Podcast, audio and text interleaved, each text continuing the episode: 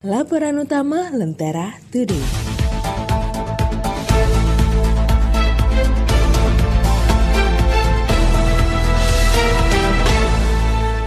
Lonceng peringatan seribu kematian Selama lima hari pembatasan kegiatan masyarakat atau PPKM darurat diberlakukan, rekor-rekor ngeri penyebaran COVID-19 terus dicetak Indonesia.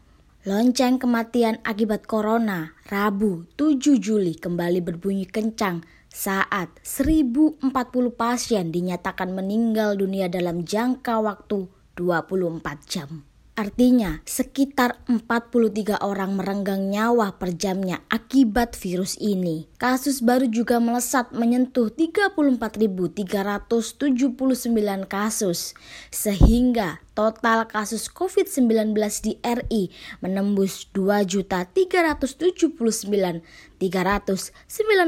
kasus sejak awal pandemi.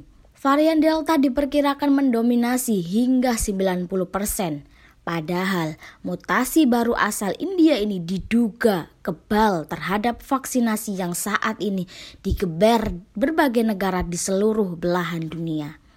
Ingat, ini bukan hanya sekedar angka, tapi soal nyawa. Dapatkan juga berita menarik dan inspiratif lainnya di harian Lentera Today edisi Kamis 8 Juli 2021. Cek edisi digitalnya di www.lenteratoday.com.